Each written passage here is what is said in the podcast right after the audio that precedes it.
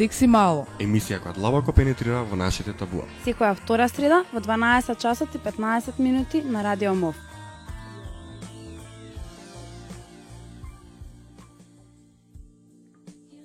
Дојде уште една среда, време за секси мало, 12 часот и 15 минути. Јас маца во студиото, овој пат без Ана, Ане и Веле. Малце ми е чудно, меѓутоа на вистина ветувам дека освен и кака основни поведни информации нема да зборувам многу денеска. Здраво од мене, Стефан, јас сум, повторно ме слушате, се надавам ќе ни биде интересно одржењето. Здраве од мене, јас сум Драгана, после долго време сум тука, јако малку разболена, али се надевам дека нема да ми замерите. Токму така, ова се назва студиото денеска и Бисера Младеновска, дефектолог, а воедно и магистар по дефектологија би дошло, така Бисера? А, магистар по интелектуална попреченост и аутизам. Поточно кажано. Длабоко се извинувам што ви што ни ја погоди вистинската титула. Нема проблем. А со неа ќе зборуваме малце подетално за незината работа и за а, што е она на што магистрираше фактички кон крајот на оваа емисија. Исто така за самата емисија ви спремивме едно интересно интервју што ќе имате можност да го слушнете малце подоцно. Така е. Стефан, сакаш нешто да кажеш? Не, не, не, не. Ама зборувате, после да не испадне дека јас сум била таа што цело време зборува. Значи како што мислам дека може да претпоставите зашто ќе зборуваме денеска. Ќе зборуваме за лицата со попреченост, тема која што веќе неколку пати ја имаме обработувано во секси мало, меѓутоа сега ќе пристапиме на еден малку по различен начин од она што сме го правеле претходно. Значи не за џабе ја земавме оваа тема во предвид, ја земавме бидејќи на 3 декември е светскиот ден на лицата со попреченост, значи за некој месец дена од сега, не цел месец, а во октомври, целиот месец октомври беше месец кој што беше посветен на подигнување на свеста на лицата Да со Даун. И ние малце туе ќе се осврнеме нормално на а, сексуалноста, на сексуалното репродуктивно здравје. Меѓутоа, пред да навлеземе детално во таа тема, би сакале да кажеме малку потеоретски дел за тоа што и како представува поемот лица со попреченост и слично.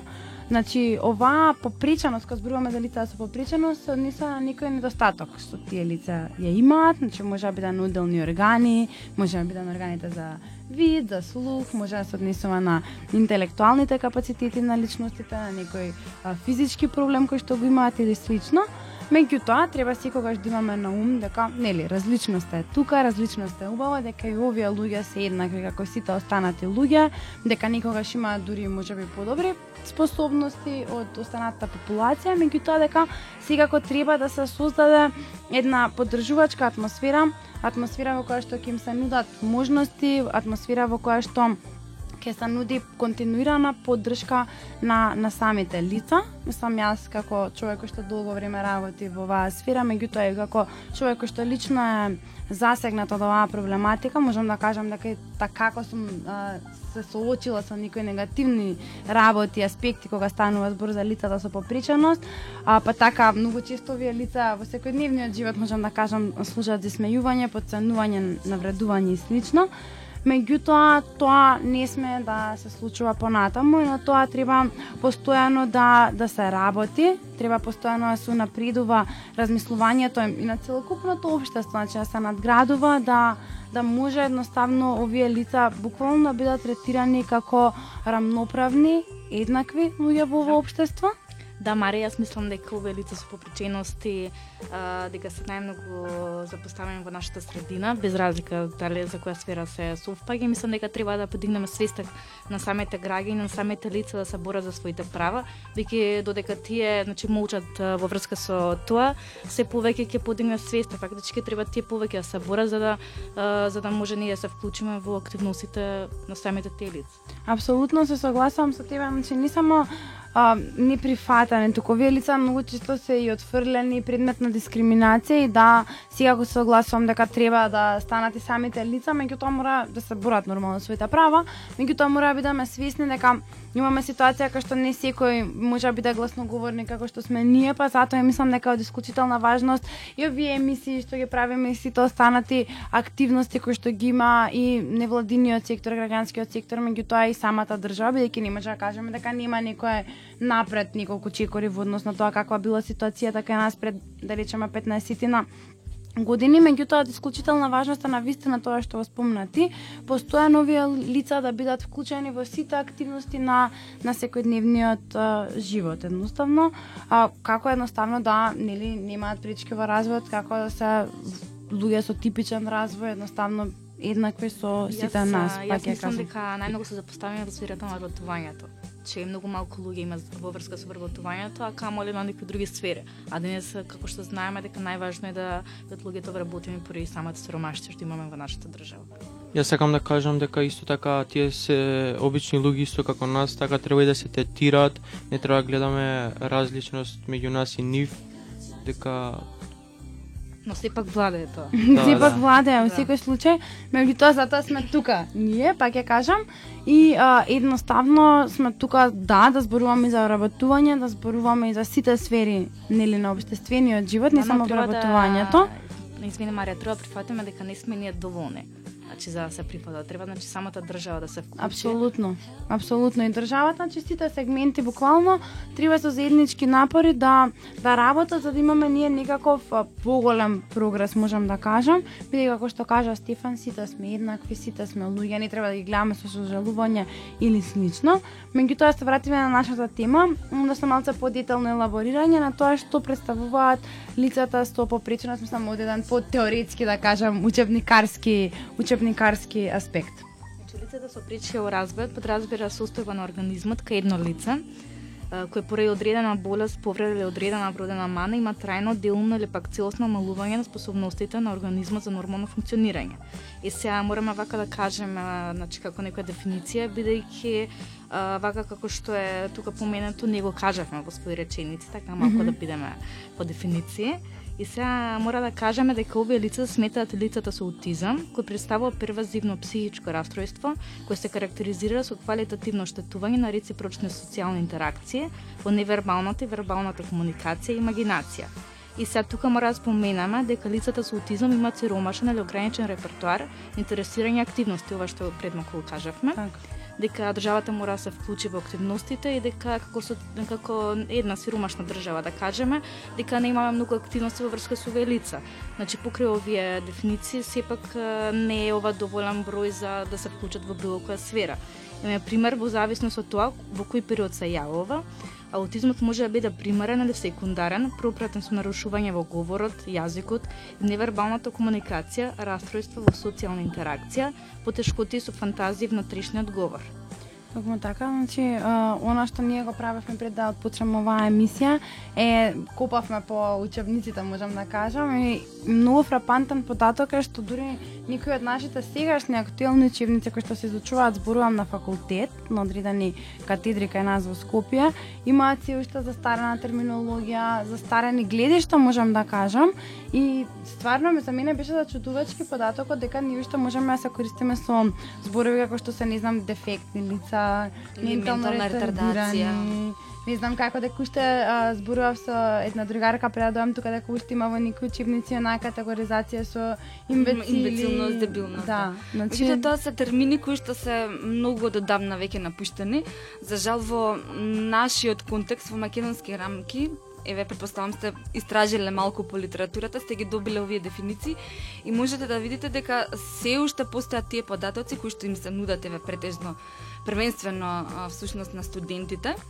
Меѓутоа, еве конкретно ако го земеме аутизмот како модерен проблем би рекла на општеството, еве со поедноставни зборови ќе кажам дека тоа е едно сеопфатно оштетување кој што ја зафаќа личноста, значи првенствено на, на, на човекот, на детето и се манифестира во повеќе аспекти на развојот. Значи, тука се зафатени а, комуникацијата, социјалните интеракции, овие лица делуваат како да се во некој свој свет, значи не можеме толку лесно да воспоставиме, да допреме до нив и да воспоставиме некаква комуникација.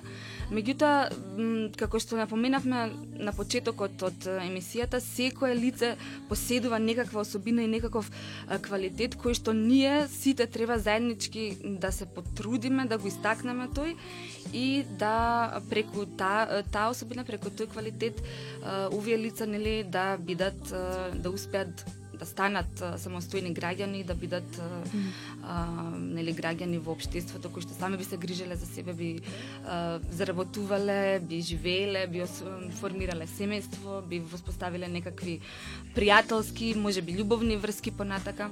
Значи целосно интегрирани и самостојни индивидуи би кажала јас. За сам добро замислам дека овие баш лица може да бидат повеќе успешни од тие што немаат никакви проблеми, бидејќи со ова со Стефани во неделата баш коментиравме за ова дека баш тие лица со некои недостатоци може да бидат поуспешни во било кое поле од нас, бидејќи нема врска со такви недостатоци, бидејќи тие може од во една смисла да бидат сепак активни, иако тоа не е баш кај нас а, прифатено, но сепак би можело да бидат тие на одредено поле или малку во поголем степен од нас. Да, да, да. Има има случаи секако.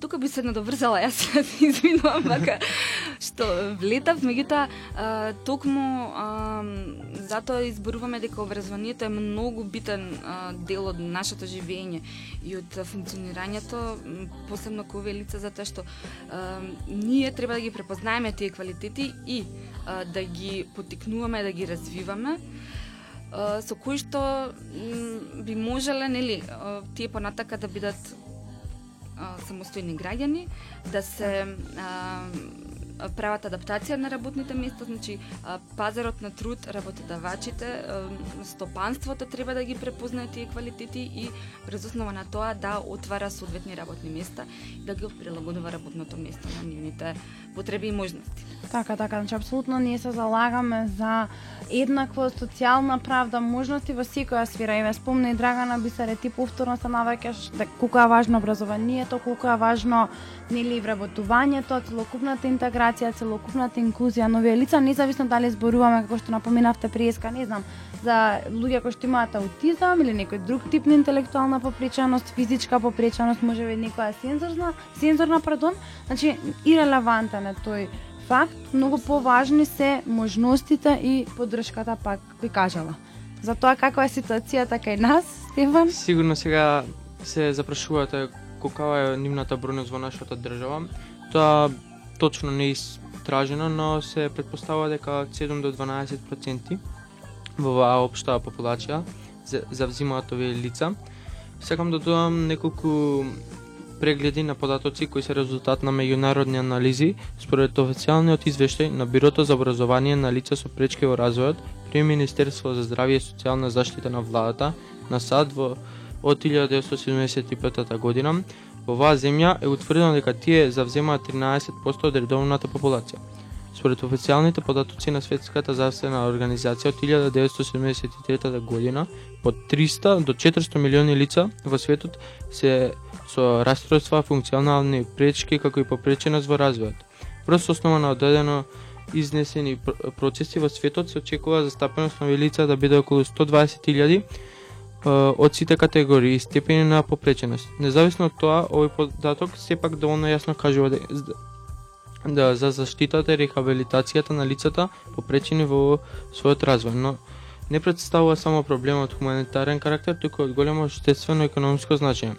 Заедницата има многу голем интерес да инвестира во средствата за оспасување на овие лица отколку да ги остави неспособни за работа, а потоа нерационално да издвоја значени средства за нивна екзистенција. Значи повторно се сведуваме на онаа поента која имаме ние, дека треба да се инвестира, треба да се вложува, независно ова се некои статистики кои што малку се датираат од можам да кажам пред некои 30-40 години, дека стварно кај нас немаме некоја соодветна сеопфатна статистичка Нема слика. меродавен показател Да. за жал.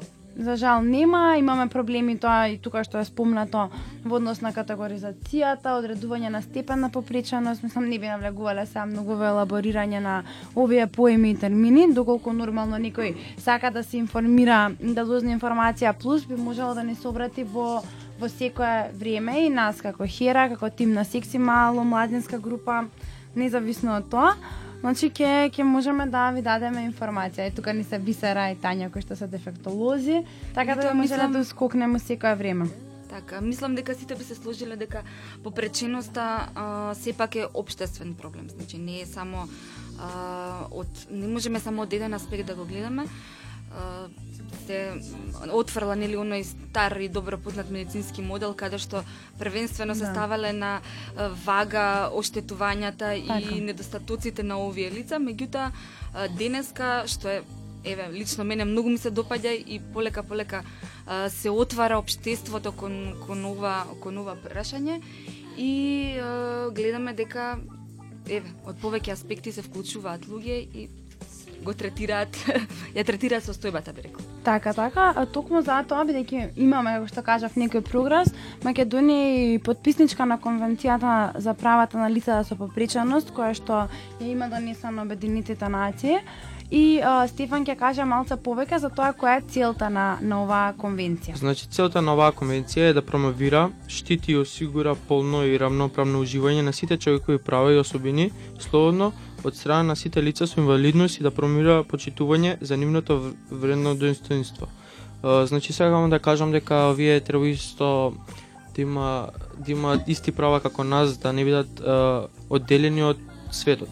Е, Оваа конвенција го одржува духот на промената на односот кон лицата со инвалидност и во однос на човековите права ја почитува недискриминацијата како универзален принцип и се предвидувајќи мерки за позитивно одесвување. Со што се предвидува фактот дека доколку сакаме да почнеме рамноправност треба да се комбинираат мерките кои обезбедуваат недискриминација и позитивно одесување. Токму така, значи, ние се надеваме дека оваа конвенција се што е напишана однатре, ќе доживее целосна имплементација и, и кај нас. Сега бидејќи мислам дека кажавме доволно информации, сите дека се вдадовме некако, одиме со музика, потоа имаме чест да ја слушнеме Тања Станкова, со која што направивме интервју. Тања е проектен координатор во Хира, воедно и дефектолог, да ни каже малку повеќе за заложбите на Хира и за сексуалноста, сексуалното и репродуктивното здравје кај лицата со попреченост, така да во наредните 20 на минути ве оставаме со музика и со Тања.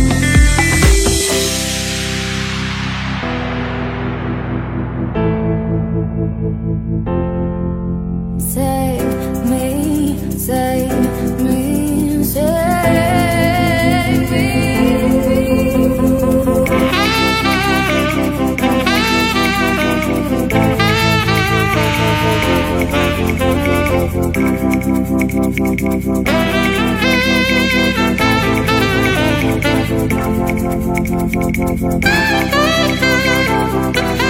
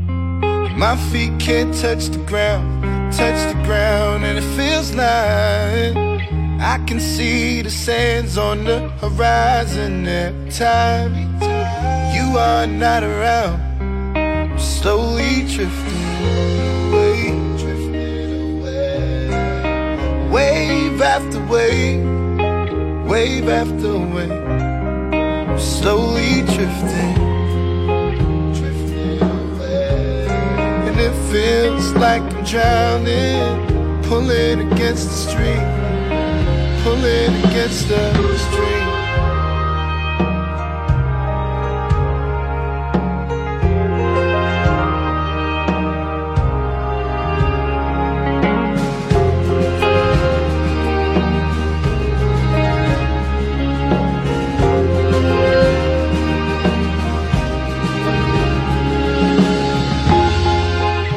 Wish I could make it easy. Easy to love me, love me. Still I reach, find a way. I'm stuck here in between. I'm looking for the right words to say. I'm slowly drifting, drifting away. Wave after wave, wave after wave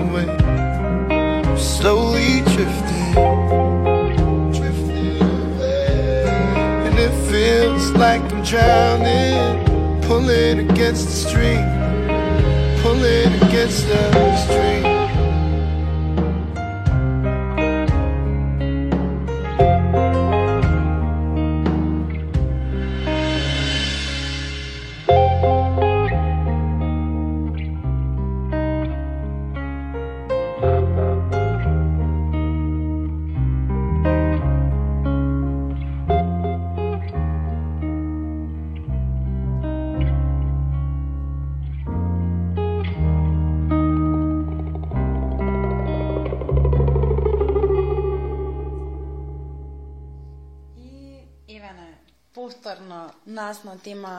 Лица со попреченост, пред се сега ќе се фокусираме малку повеќе на лицата со попреченост и нивната сексуалност. Хера долги години работи на, на оваа тематика. Ние предходно сме имале гости во Секси Мало од тимот на Хера кој што работи конкретно и се занимава со лицата со попреченост и нивната сексуалност. Денеска ја имаме како гостинка во Секси Мало и голема благодарност упатуваме воедно до неа, Тања Станкова, проектен координатор во Хера. Здраво, Тања. Здраво, Марија. На почетокот би сакала да ви се заблагодарам за поканата во денешната емисија и навистина ме радува што има емисии што ја обработуваат тематиката на сексуално и репродуктивно здравје на лицата со попреченост. Фала многу што прифати да бидеш дел од оваа наша емисија. Значи, ние не случајно избравме темата лица со попреченост а, Ја избравме бидејќи помина месец октомври, кој што беше месец за подигнување на свеста за лицата со Даунов синдром. Доаѓа 3 декември за некој си месец дена, нели, светскиот ден на лицата со попреченост и токму затоа сакавме ние да дадеме еден наш осврт на тема која што не се обработува толку често, бар не кај нас и во нашите медиуми. Така да би сакале прво да ве прашаме, бидејќи нели знаеме дека работите со лицата со ам, интелектуална и физичка попречена, на што и со што поконкретно работите, со што поконкретно се занимавате?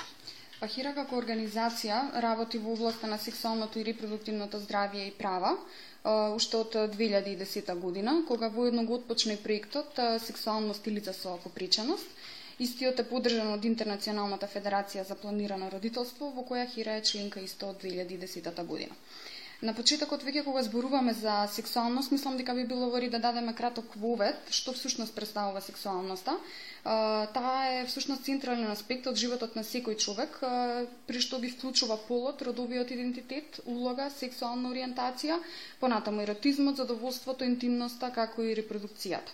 Така. Меѓутоа, сексуалноста не се изразува само преку сексуалното однесување, напротив, таа се изразува и се искусува преку мисли, фантазии, желби и верувања, како и воспоставување на а, врски.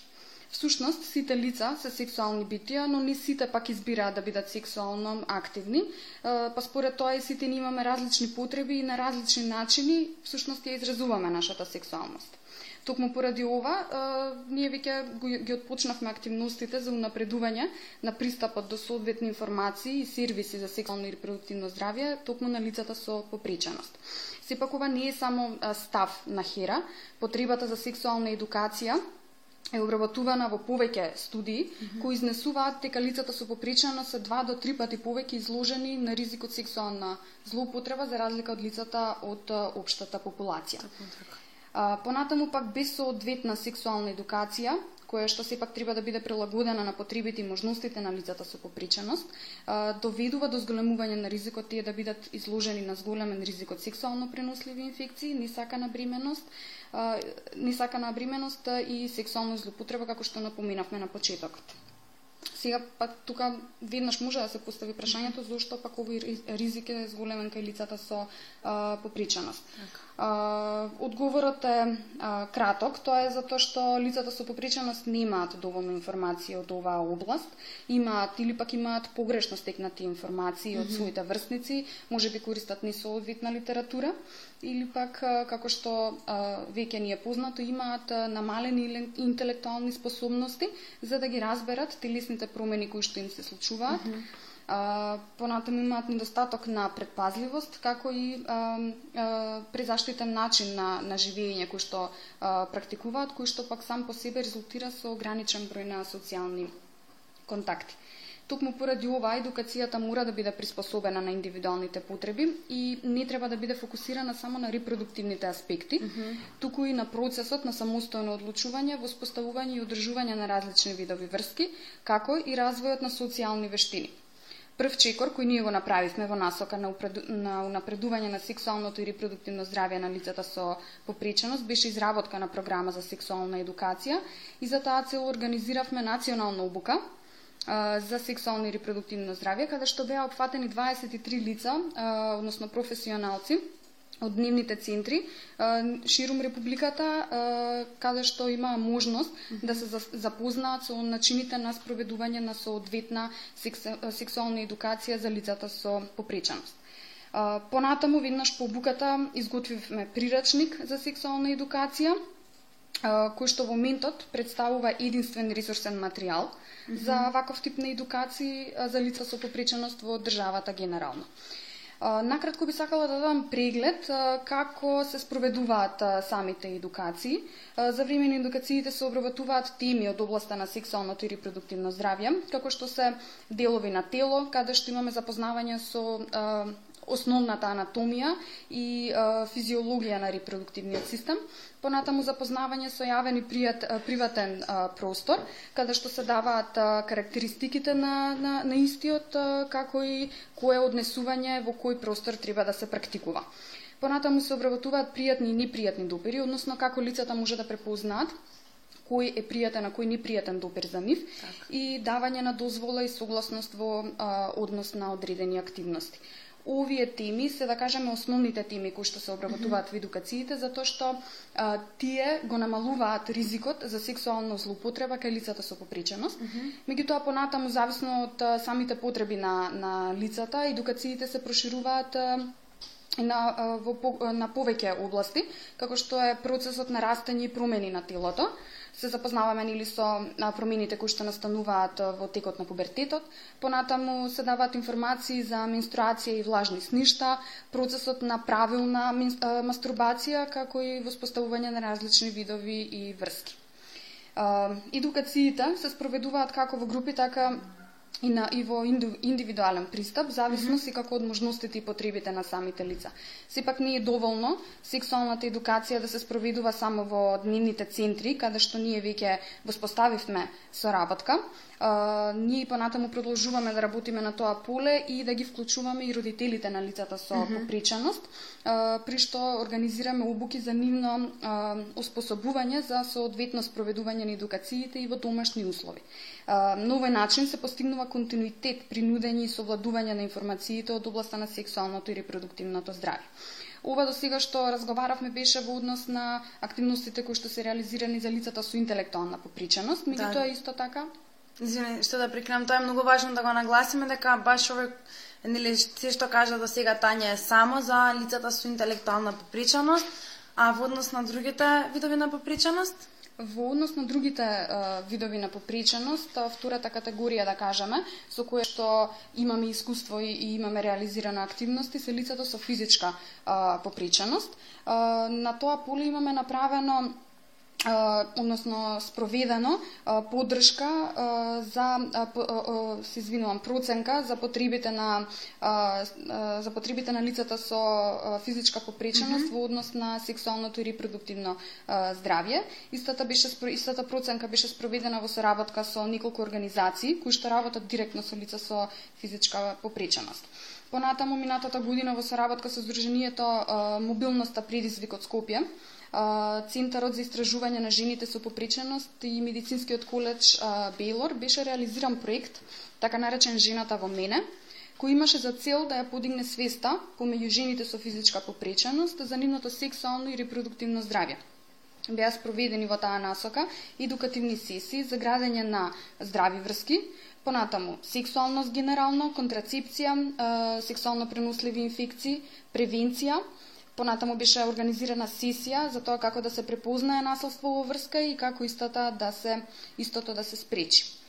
А, дополнително беше организирано и информира и а, информативно предавање со гинеколог специјалист акушер кој ги обработи репродуктивните права на лицата со попреченост, а, како и периодот на мајчинство кај жените со физичка попреченост, која што на вистина представува голем предизвик за нив. Така, можеме да мислам да кажеме дека на вистина Херајта како работи во ова поле, многу активности се се случија, многу активности допрва треба да се случат и бидејќи нормално зборуваме за долгогодишна работа, зборуваме за нели едно стварно големо искуство на нова организација, Тања би сакала ние тимот на Секси Мало да ни кажете а, како живеат лицата со попреченост кај нас во Македонија. Вака една слика од другата страна малку да ни дадете, не само да спекне оно што Хера направила нели за за овие лица. Во однос на тоа би можеле да ги искористиме податоците, односно информациите што ги имаме добиено од самите истражувања кои што ги, сме ги, а, ги имаме спроведено а, до сега. А, до сега имаме спроведено две истражувања, конкретно за лицата со физичка попреченост и од таму би можела да извадам а, податоци а, во однос на пристапноста и а, користењето на сервисите за сексуално и репродуктивно здравје, каде што а, жените со физичка попреченост велат дека многу ретко посетуваат гинеколог и најчести причини поради кои што а, ретко го посетуваат а, својот гинеколог е тоа што а, а, предходно имале негативно искуство mm -hmm. при предходната посета на гинекологот а, и пак а, некаде сто, а, скоро сите жени кои што биле бремени со со физичка попреченост велат дека а, имаат а, се соочиле со голем број на предизвици во текот на нивната а, бременост, така. што да архитектонски бариери mm -hmm. во здравствените установи и што пак од а, стереотипното однесување, да кажеме, на здравствените работници, mm -hmm. кое што деломно се должи на нивната а, неинформираност за предизвиците со кои што се соочуваат оваа категорија на, на жени. Така. Фала Тања во однос на информациите што ни ги дадовте за моменталната состојба на лицата со физичка попреченост, можам да кажам кај нас. Значи треба и така како според мене лично и според младинската група на Хера и тимот на Секси Мало да се прават повеќе истражувања во оваа насока, значи не само за лицата со физичка попреченост, туку и за лицата со интелектуална, со сензорна, лицата понатаму кои што се нели во некој а, дел на аутистичниот спектар и така натаму. А, би се надоврзале, имам уште едно прашање во, во овој дух, можам да кажам. Веднаш после предходното прашање, би сакале да ве прашаме дали Македонија може да се пофали како држава, а, која што, нели, овие лица ги третира без дискриминација, држава во која што овие лица се слободни, можам да кажам, и држава во која што овие лица, че кога велам овие лица, мислам на сите лица со некаков тип на, на попреченост, имаат добар и квалитетен живот. А, во таа насока ја за жал моментално би можела само да дадам одговор за односно наше видување во однос на состојбата за лицата со интелектуална попреченост и лицата со физичка попреченост со кои што и до сега сме соработувале и имаме искуство. Сметам дека до сега има доста активности направено на тоа поле и доколку се направи споредба на самата состојба пред 10 години и состојбата која што е денеска, навистина имаме придвижување на, на тоа поле. А, може би делумно тоа се должи на а, ратификуваната конвенција mm -hmm. за правата на лицата со попреченост на Обединетите нации, а, која што Македонија ја ратификуваше во декември 2011 година. Со тоа Македонија се обврза а, да ги да ги да го подобри а, пристапот до информации и услуги за сексуално и репродуктивно здравје, на лицата со попреченост и а, можам да кажам дека имаме придвижување на тоа поле. Но тоа сепак не значи а, дека се е завршено и дека имаме остварено нашата цел.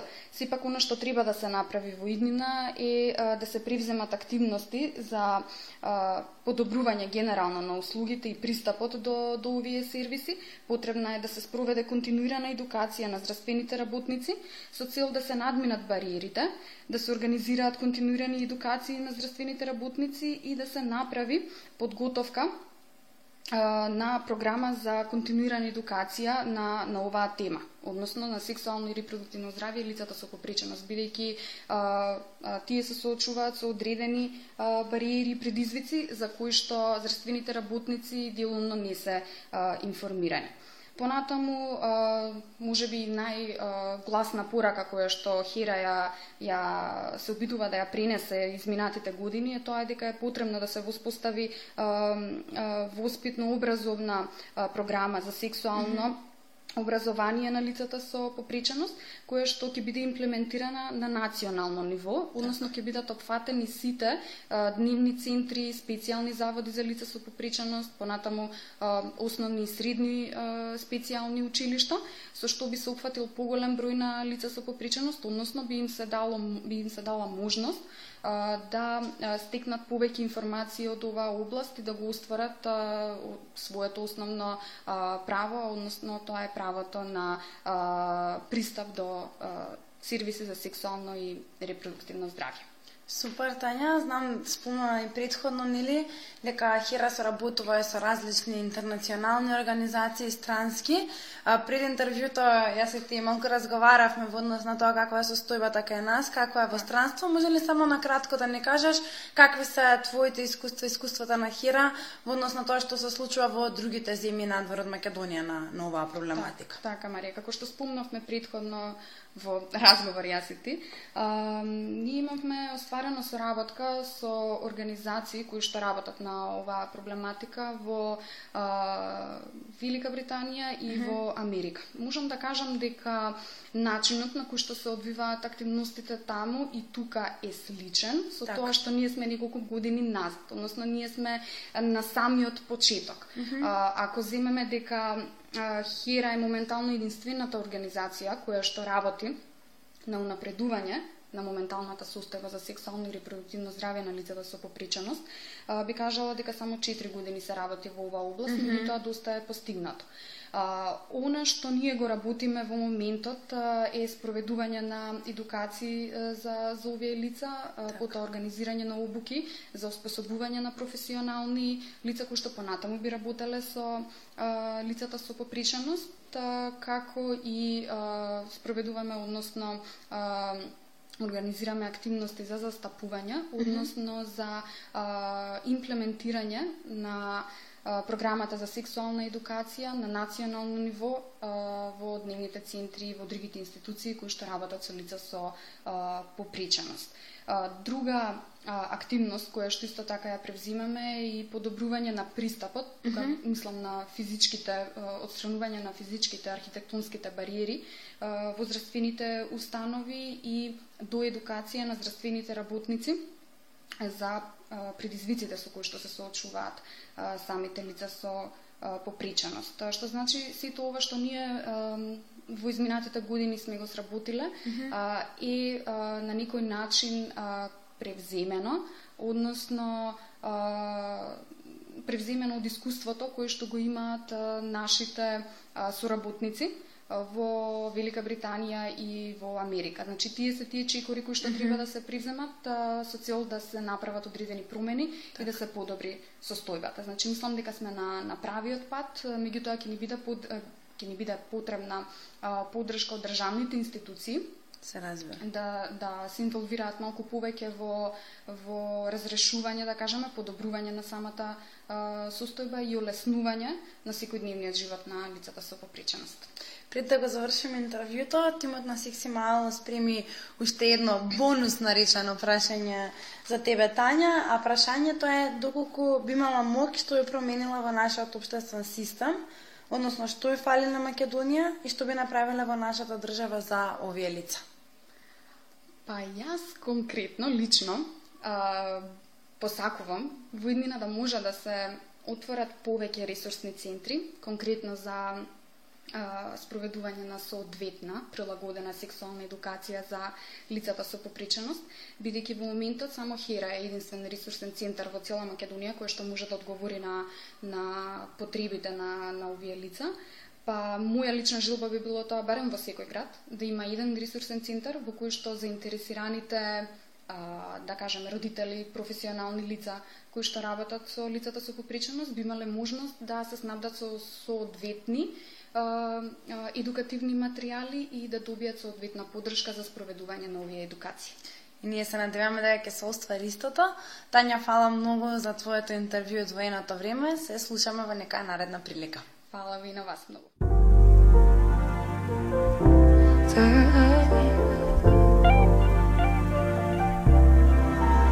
My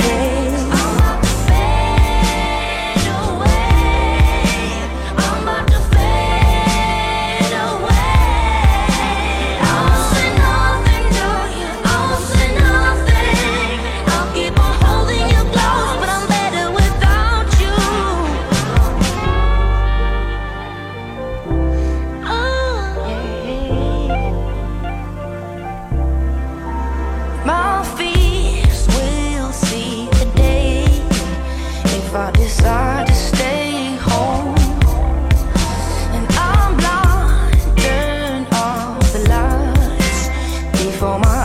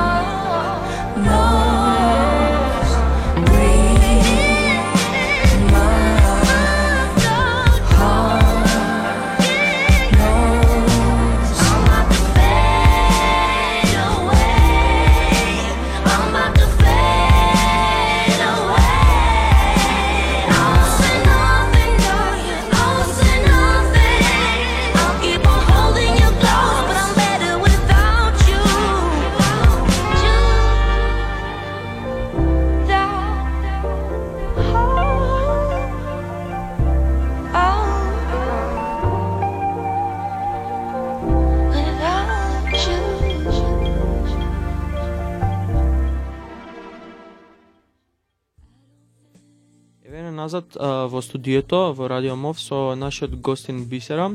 Сега а, ќе ја поставиме неколку прашања. А, сакам да кажам работите во градинка.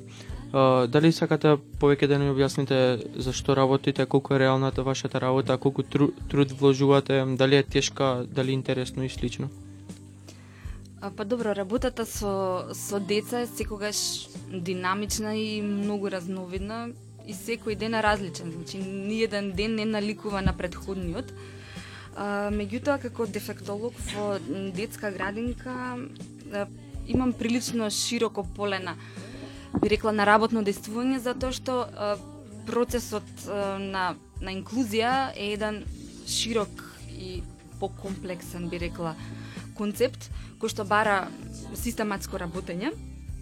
Е сега градинката е една средина каде што многу често за прв пат се забележуваат тие развојни проблеми и мојата работа како дефектолог во склоп на стручниот тим е исто така рано откривање и идентификација на децата со со развојни нарушувања кој што од, од своја страна пак е многу би рекла одговорна и деликатна задача затоа што најчесто ние сме тие кои што првпат се соочуваме со родителите и треба за прв пат да им го да им соопштиме таа би рекла многу непријатна вест и да им го соопштиме нели каков е проблемот. Меѓутоа од друга страна исто така децата во во предучилишните установи се се вклучени во воспитно образовниот процес. Дел од моите задачи се исто така во ова поле каде што ние пружаме и нели рана интервенција, односно рано вклучување на овие деца во образованието, во а, во воспитанието и а, исто така комуницираме со родителите во во секој сегмент значи од работењето вршиме советодавна работа воедно како дефектолог и како стручен работник моја задача е и да им давам еден вид на стручно усовршување на останатиот воспитан кадар кој за жал би рекла ги нема доволно информациите и компетенциите како да се справи со дечиња со развојни проблеми. А, кажи ми од твое лично искуство, што мислиш дека највеќе ме е потребно на овие деца? Од професионален кадар.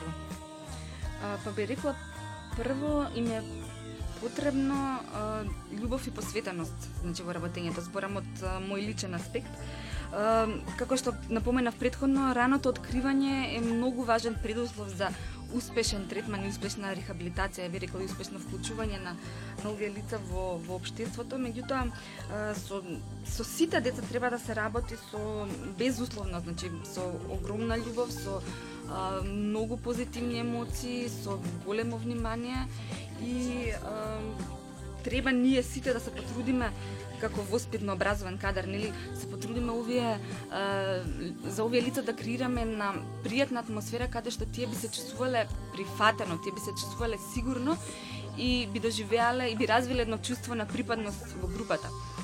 Исто така е многу важно воспоставувањето на другарски, односно на пријателски односи со другите деца, затоа што покрај социализацијата нели и учењето на а, социјални норми, на социјално прифатливо однесување, а, другите деца би рекла со типичен развој се исто така многу добри учители, многу добри ментори, ментори и тие на некој начин би го олесниле самиот процес на инклузија и би помогнале многу всушност тие и најмногу може да помогнат децата со со развојни проблеми да да научат нешто нешто ново. Сакам да ја прашам дали Македонија се соочува со е, недостиг на професионален кадар во ова поле, како дефектолози, педагози, психолози и слично?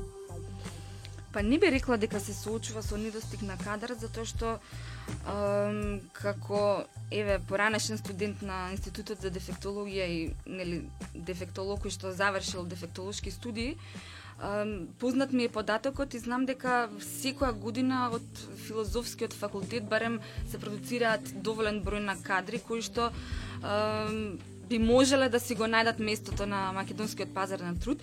Проблемот е од друга страна, би рекла затоа што не се не се отвара доволно работни места за овие кадри да си го најдат своето вработување, нели да си го најдат своето место во во образованието, во во здравствената заштита.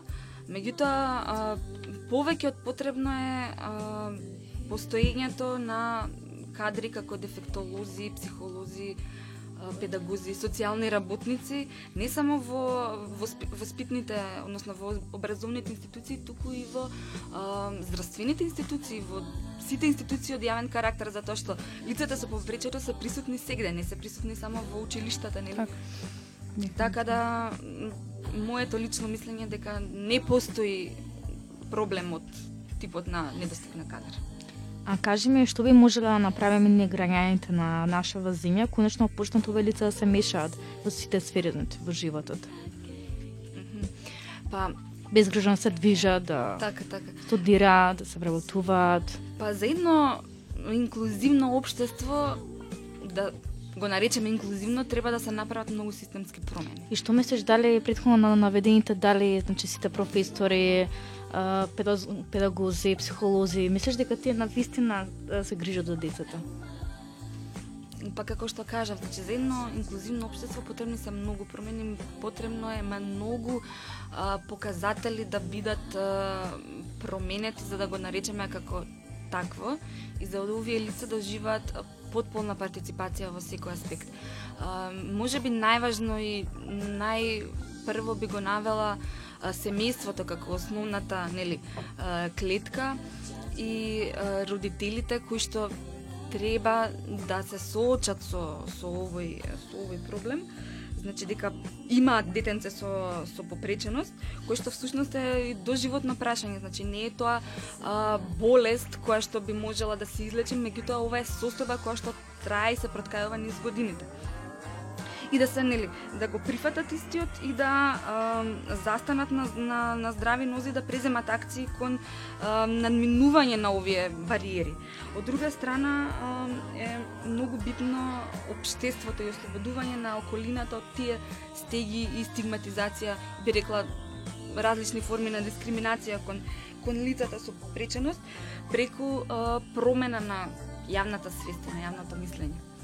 Исто така сметам дека е многу важно државата, односно државните институции да да обезбедат соодветни и нели достапни услуги и услови за овие лица во однос на образование, прилагодено образование, потоа во однос на здравствената заштита, во однос на социјалната заштита, исто така и нели од кога овие лица ќе бидат еве до ќе наполнат 18 години, веќе стануваат полнолетни а, особи кои што понатака би требало самите за себе да можат да водат сметка и да се грижат а, за себе. Тоа е нели секако преку вработувањето и овозможување на на адаптирани и прилагодени работни услови каде што овие лица ќе може да си ги а, изразат да ги а, експресираат своите квалитети и можности. Кажете ни нешто подетално за програмата на Хера за сексуалност и лицата со попреченост. Кажете ни нешто повеќе околу програмата и вашата магистерска. Сексуалноста е основна биолошка потреба и како таква е нераскинлив дел од човековиот интегритет. Таа всушност подразбира многу повеќе од колку сама физичка експресија, односно таа е еден интегрален концепт а, која што опфаќа емоционално, ја опфаќа емоционалната, интелектуалната и социјалната сфера. И всушност лицата со попреченост се е, сексуални битија и поминуваат е, истите фази на развој како и сите нас, па следствено на тоа ги е, доживуваат и ги имаат истите биолошки е, сексуални нагони и импулси кои што за жал се многу многу често запоставувани и негирани. Е, Сексуалноста на лицата со попреченост е право кое што е препознаено и е подпишено од повеќе меѓународни документи. Предходно ја спомнавте Конвенцијата за направата на правата на лицата со попреченост, кој што многу јасно и концизно а, во некои од нивните членови го пропишуваат и ја подржуваат всушност потребата и можноста на лицата со попреченост за формирање а, брак, семејство, родителство и така натака. И сега целта на, на мојот магистерски труд беше да се актуализира прашањето за сексуалноста на, на овие лица и посебен акцент се стави на потребата всушност и значењето на програмите за сексуална едукација а, кое што би требала да биде дел од воспитно образовните курикулуми во наши македонски контекст од аспект на просто нели заштита и унапредување на психофизичкото здравје кај лицата со попреченост. За жал во, во Македонија не постои сексуално образование во наставните планови и програми за работа во во установите. Меѓутоа Хера излезе со со своја програма која што а, би можела да биде многу добра поидовна точка и да понуди нели а, да понуди првичен план како би се креирала една би рекла глобална, односно национална а, официјална програма за сексуално образование. А, ова истражување всушност целеше а, да ги покаже ефектите на програмата а, за сексуална едукација, односно како таа влие на знаењата и ставовите кај овие лица. Е сега би сакала да напоменам овде дека а, моето истражување се насочи кон вториот а, дел од а, проектот кој што го води Хера, односно ова е втората фаза, тоест втора година а, како се спроведува оваа програма. И а, опфати вкупно 31 лица би рекла со а, попреченост, најчесто беа лица со а, умерена и со лесна интелектуална попреченост и комбинирани пречки и се спроведуваше самото истражување, односно самата а, едукација траеше а, 8 месеци. Е сега а, се спроведоа две мерења кои што беа ам, евидентирани според а, официјални, односно стандардни инструменти на светски рамки. Се спроведе едно иницијално мерење, односно ги испитавме знаењата и ставовите на, на лицата со попреченост пред да отпочне програмата. И финално мерење, односно тука сакавме да видиме каков каква е таа дистрибуција во однос на, на промената по завршувањето на самата програма. Е сега иницијално се добија резултати кои што покажува слика дека лицата со попреденост имаат многу ограничени познавања за сексуалноста, особено во доменот на м, контрацепцијата, во доменот на формирање и одржување на љубовните, односно партнерските врски и во доменот на а, социјално прифатливо сексуално однесување. По завршувањето на програмата, во финалното мерење, а, се покажа а, колку а, позитивно влијание може да има оваа програма. А, промената на знаењата и, по, и појавата на позитивните ставови за сексуалноста беше евидентна, особено ќе напоменам особено во доменот на а, контрацепцијата и во доменот на бребеноста, така како и во доменот на приватност, затоа што овие лица не ги разбираа концептите на приват, што е приватен простор, што е јавен простор, кој што понатака пак влечат реперкусии на едно неприфатливо сексуално однесување, односно не правеа разлика каде би можеле нели да се соблечат, да се пресоблечат, каде би можеле да имаат некаков сексуален контакт и слично. Е сега ефектите на на оваа програма беа поголеми со самото тоа што едукаторите од Хера ги прилагодуваа содржините на програмата и ги адаптира а, во сооднос со можностите и потребите на овие лица. Значи, прво се направи а, едно интервју и едно истражување на околината, односно какви со какви нели а, информации располагаат овие лица и потоа а, се направи еден концепт кој што беше пренесу, содржините беа пренесувани на еден јасен, конкретен и многу концизен а, начин и беа поврзувани со нивните м, искуства и случки од секојдневниот живот, нели, со цел а, сето тоа да биде а, да им биде достапно, јасно, да можат да го интернализираат и а, оваа програма да има а, ефективност. Ти благодарам Бисера за ова интервју ни беше задоволство.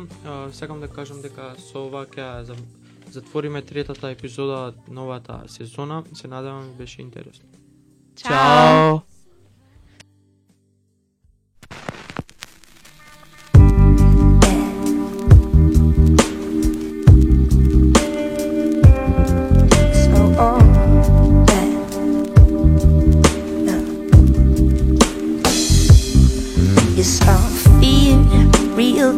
danger.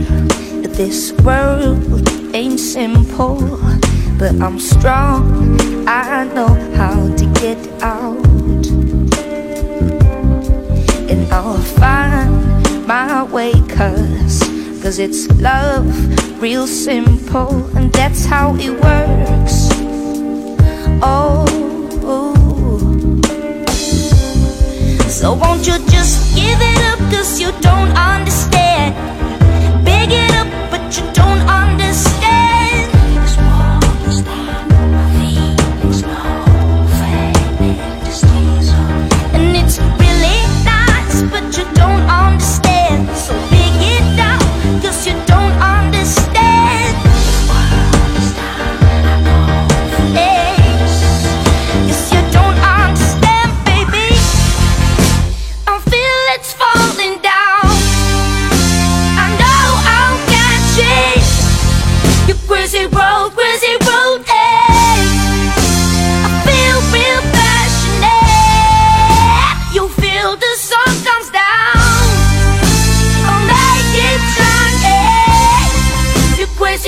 Crazy road, hey.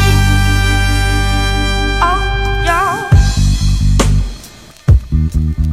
Yeah. I can see your fear cause this world ain't simple But I'm strong, I know how to stay out And I'll find my way cause Cause it's love, it's love, it's love, it's love, it's love, yeah. Oh, whoa, whoa. So won't you just give it up cause you don't understand? Big it up but you don't understand